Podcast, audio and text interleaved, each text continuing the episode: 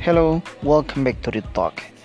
Episode kali ini membahas COVID-19 di Prancis. Gue bersama teman gue, Hazem Anis Mata, mahasiswa teologi Islam di salah satu kampus di Paris, Prancis. Obrolan kita nggak jauh-jauh ngebahas tentang perkembangan COVID-19 yang ada di Prancis. Uh, kemudian kita juga bahas situasi dan kondisi masyarakat Prancis dan kebijakan apa aja sih yang dikeluarkan oleh pemerintah Prancis untuk menangani COVID-19 ini. Yaudah yuk, langsung aja kita simak di episode kali ini. Stay tune.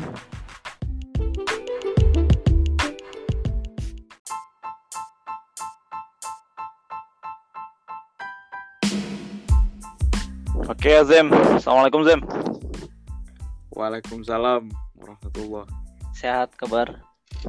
Sehat-sehat gimana?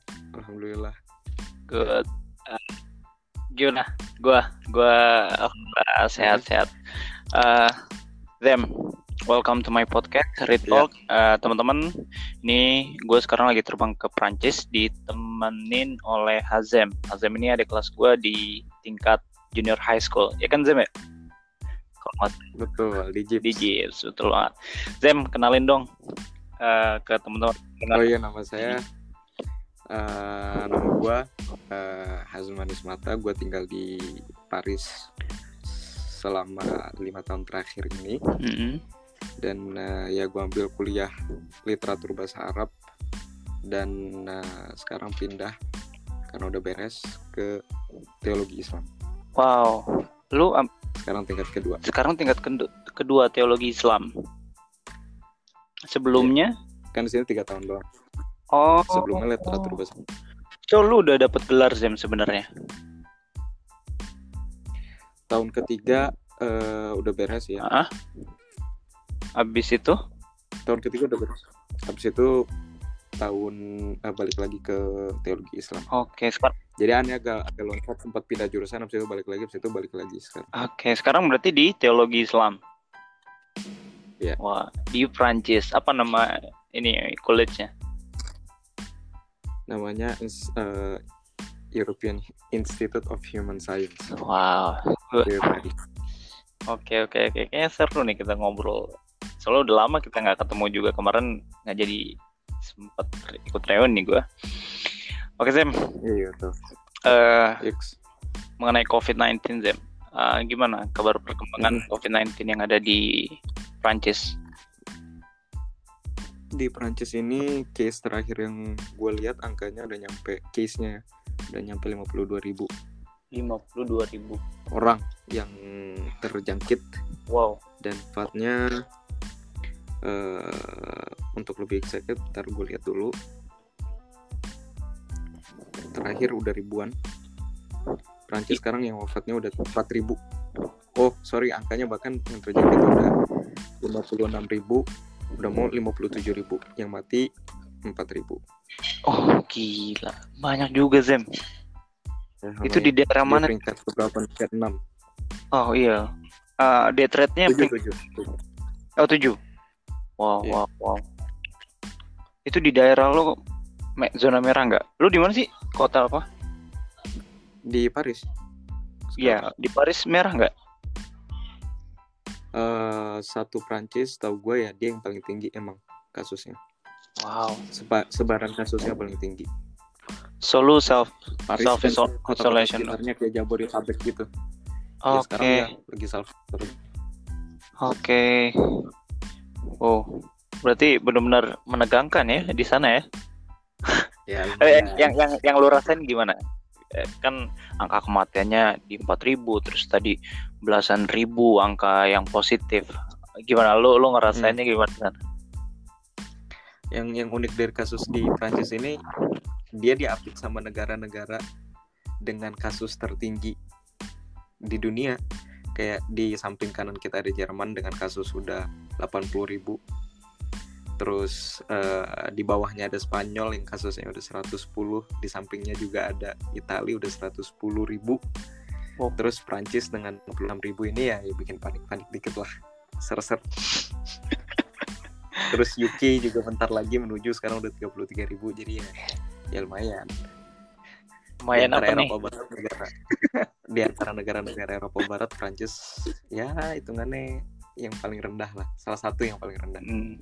dengan populasi 60 jutaan ya bikin Bokap lu khawatir gak sih? panik Bokap lu khawatir gak sih? ya keluarga khawatir pasti tapi ya dilemanya di Khawatir situ kayaknya deh Iya, karena pulang juga lu makin bahaya kalau keluar keluar kan. Nggak tahu Iya, di bandara lu ketemu siapa. pulang ketemu bandara ketemu eh, apa masuk ke pesawat ketemu banyak orang Nah itu kita dia. bisa jadi nggak kena Iya. tapi bisa jadi kena bisa jadi carrier Jadi gitu buat keluarga Iya. Itu dia. Gila sih. Emang ah itu kan sampai angka di 4000 ya. Ah, emang kebijakan apa nih yang diterapkan eh, pemerintahan France kalau boleh tahu? Prancis dari dua minggu lalu udah netepin bakalan ada lockdown Eh, Hmm. dari tanggal berapa tuh? Dari 31 ini sekarang kita masuk lockdown kedua. Dua minggu kedua. Jadi sebelumnya kayak da- 12 eh, 14 hari yang lalu presiden bilang bakalan ada lockdown untuk dua minggu. Terus eh, beberapa hari yang lalu eh, perdana menteri Hmm. bilang lockdownnya bakalan diperpanjang tambah dua minggu sampai 14 April. Efektif Oh. dari 1 April Nah, untuk kebijakan lockdown eh, sejauh ini baru sampai segitu, tapi sekolah-sekolah udah mulai online semua, kayak di Indonesia juga. Kerja juga yang nggak esensial disuruh kerja dari rumah kalau bisa, kecuali kalau benar-benar esensial dia harus datang ya berarti bisa datang. Dengan syarat kalau misalkan mau eh, apa beraktivitas di luar harus bawa surat yang menjelaskan eh, alasan kenapa harus keluar dan alasan itu harus valid di mata pemerintah kayak kerja dan lain sebagainya terus atau beli obat ke apotek atau beli belanjaan dengan jarak radius maksimum kalau salah satu kilo dekat rumah Wow. Nah, dan kayak ada Itu- beberapa kebijakan lain Ah, kayak misalkan Ah, keluar tuh boleh buat nyari angin selama satu jam atau jalan bawa anjing karena anjing kalau di rumah terus stres Oke. terus ya kayak olahraga. Oke. Gitu. ah. jadi nggak benar-benar Di jam- orang nggak boleh keluar Di jam berapa? Di jam berapa?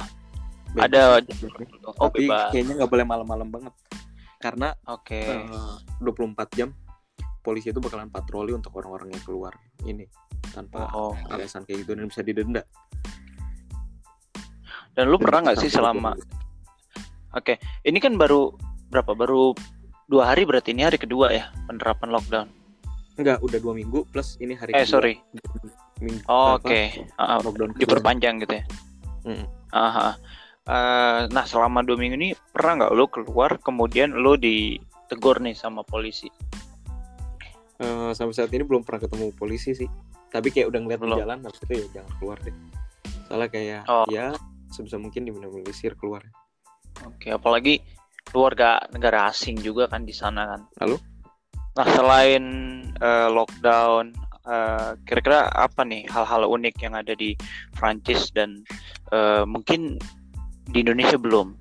Karena kan eh, kalau kita lihat angkanya juga lumayan tinggi nih. Nah sedangkan di Indonesia memang belum setinggi negara-negara yang ada di Eropa gitu. Tapi angka kematiannya kalau dibandingin sama negara-negara Asia Tenggara lainnya itu cukup tinggi. Hmm. Menurut gue yang diterapin di Prancis yang sampai sekarang belum ada kejelasannya dari pemerintah adalah anggaran yang benar-benar dikhususkan untuk penanganan COVID ini. Soalnya di Prancis bahkan eh, hari pertama ketika presiden me- eh, apa menerapkan lockdown, menerapkan sistem Hmm. lockdown, eh, presiden langsung bilang bahwa ada ada eh, simpanan uang negara atau anggaran dari negara sebesar 300 miliar euro untuk penanganan kasus ini ya bisa jadi dalamnya termasuk kayak anggaran gaji eh, buat orang-orang yang nggak kerja untuk sementara ini. Terus eh, ya penanganan kesehatan dan lain sebagainya. Soalnya kayak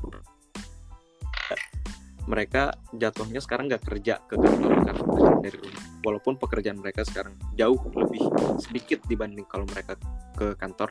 Kayak cuman kayak beberapa ada yang cuman kerja di laptop beberapa lama habis itu eh, lanjut Ah. lagi di confinement doang. Di confinement doang atau di lockdown Hmm. doang dan mereka tetap digaji dengan gaji full Wow. jadi kayak gila. ya jadi kayak tugasnya turun tapi gajinya tetap nah itu untuk satu Hmm, bulan hmm, ini untuk beberapa bulan ke depan belum tahu dan yang gue dengar Oke. juga anggaran pemerintah untuk penanganan ini terus menerus ditambah jadi kayak orang yang nggak kerja eh, atau orang yang kerja tapi sekarang yang nggak bisa karena lockdown ini bakalan tetap digaji sama pemerintah terus kayak suplai makanan Oke. terus dijaga dan lain sebagainya kalau di Indonesia gue nggak tahu nah bedanya Nah, selam ah, gimana bedanya? kalau sama sama sama Indo tuh pendekatannya nggak kayak Korea Selatan yang rapid test gitu di mana-mana. Di Indonesia kan setahu gue kayak Mm. pemerintah nerapin pendekatan rapid test banyak-banyaknya, tes masal sebanyak-banyaknya. Eh, Mm-mm. ini kayak eh, untuk bisa tes. COVID itu nggak segampang itu. Jadi kayak benar-benar kalau Iya. lu udah hampir pasti kalau lu punya seluruh gejala COVID baru mungkin lu bisa tes. Nggak bisa kayak pengen tes aja nih nggak bisa. Ya. Oh. Halo, Zem? Iya. Iya. Oke, berarti eh, lumayan baik ya apa yang di... Nah, tapi eh, selama dua minggu ini eh, tahu nggak bagaimana pemerintah sana itu eh, kan tadi kan udah ada anggaran nih untuk eh, warga yang memang membutuhkan misal gitu. Hmm. Eh, itu benar-benar disalurkan dengan dengan rapih nggak?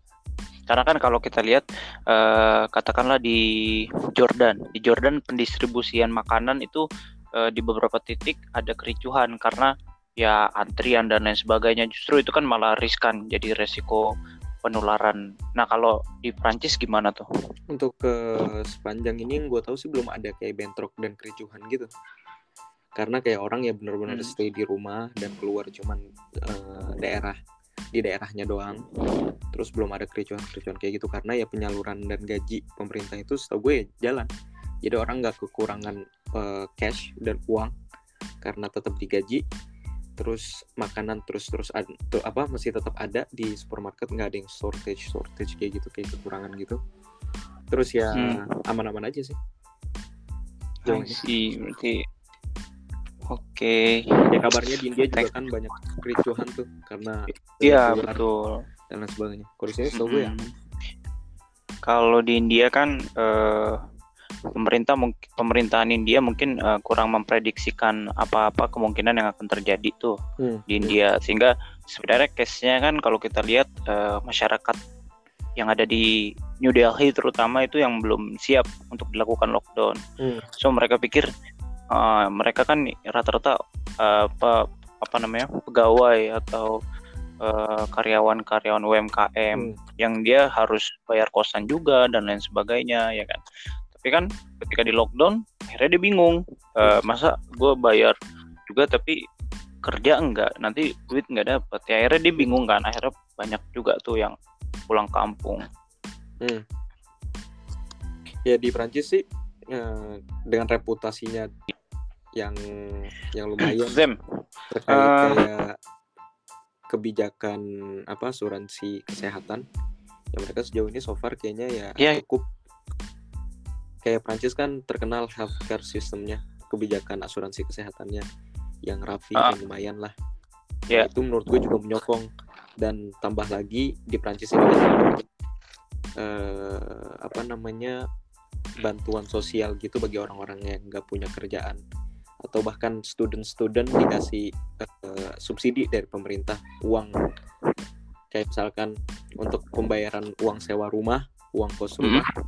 Karena harganya terlalu mahal kita bisa apply ke pemerintah untuk dapat eh, subsidi dalam pembayarannya. Kayak dikasih beberapa ratus euro untuk ngebantuin ngebayar sewa rumah.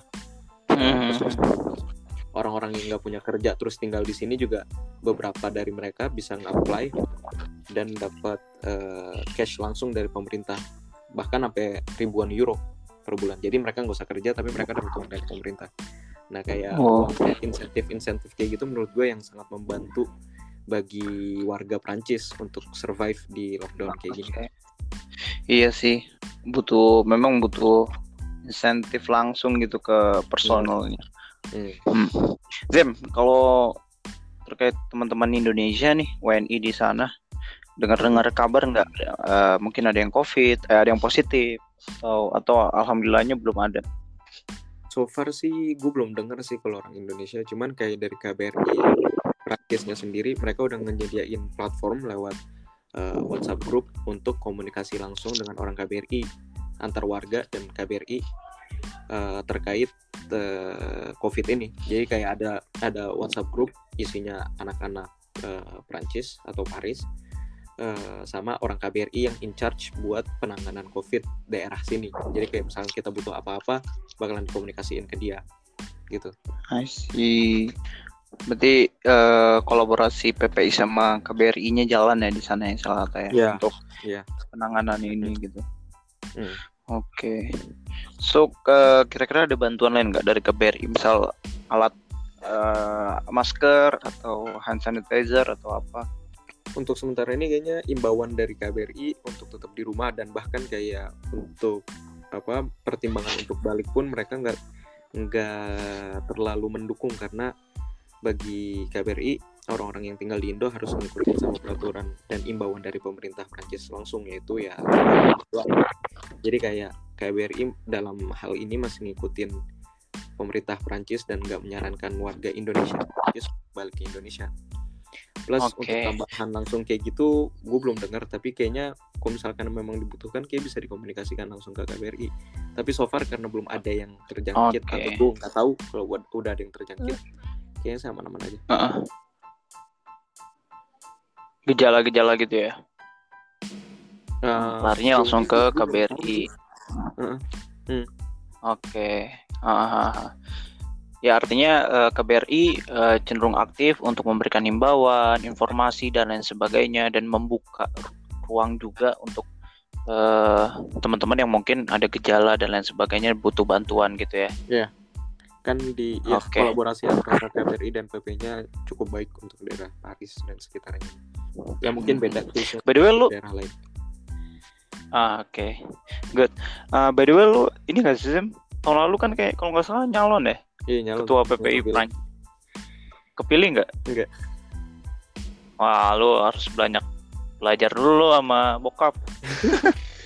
Iya lah beda belum. Masih baru mulai Mas. lah. Jajal-jajal dikit. Asik. Asik. Nanti tur pulang ke Indo turun ya. Wah kita lihat nanti. Hah? kita lihat nanti. Kita lihat. Oke. Zem, thank you banget nih udah mau sip, diambil waktunya untuk ngobrol-ngobrol sharing eh, info di sana. Kira-kira ada pesan nggak buat teman-teman pendengar di Indonesia nih? Eh, ya pesannya dari gue sih stay safe aja karena itu salah satu hal yang bisa kita kita lakuin untuk ngebantu pencegahan dan penularan COVID ini sih. Dan ya untuk tinggal di rumah nggak sesulit pekerjaan dokter yang harus nanganin pasien-pasien COVID kan ya. Jadi ya tinggal di rumah aja lah. Iya. Sepakat, Gitu sepakat. Ah, Oke, ya gue juga kita doa bareng-bareng lah. Semoga eh, teman-teman yang ada di Indonesia juga, WNI yang ada di Prancis juga, semoga bisa selalu diberikan kesehatan, ya kan, Amin, amin, kekuatan dalam menjalani masa-masa COVID-19 ini. amin, Amin. amin. Oke, Zem, Yuk. thank you. Yuk, Eh, sama-sama. udah juga. hampir kurang lebih 18 menit kita ngobrol. Eh, thank you banget sekali lagi. Semoga kita bisa ngobrol-ngobrol lain ya di Siap, lain apa namanya lain kesempatan kesempatan Insya Allah. Ngomong politik mungkin kan seru nih kayaknya kalau sama lo ngomong politik kan. Bisa, bisa, bisa. Iya ya. Oke teman-teman itu tadi obrolan gue sama Hazem Eh, Hazem Anis Mata ya mahasiswa salah satu mahasiswa yang melanjutkan studi teologi Islam di Paris Prancis untuk negara-negara selanjutnya eh, stay tune dan juga jangan lupa kalau ada feedback dan lain sebagainya bisa DM ke Instagram gue. Oke, sukses untuk semuanya. Stay at home, stay tuned. Assalamualaikum warahmatullahi wabarakatuh.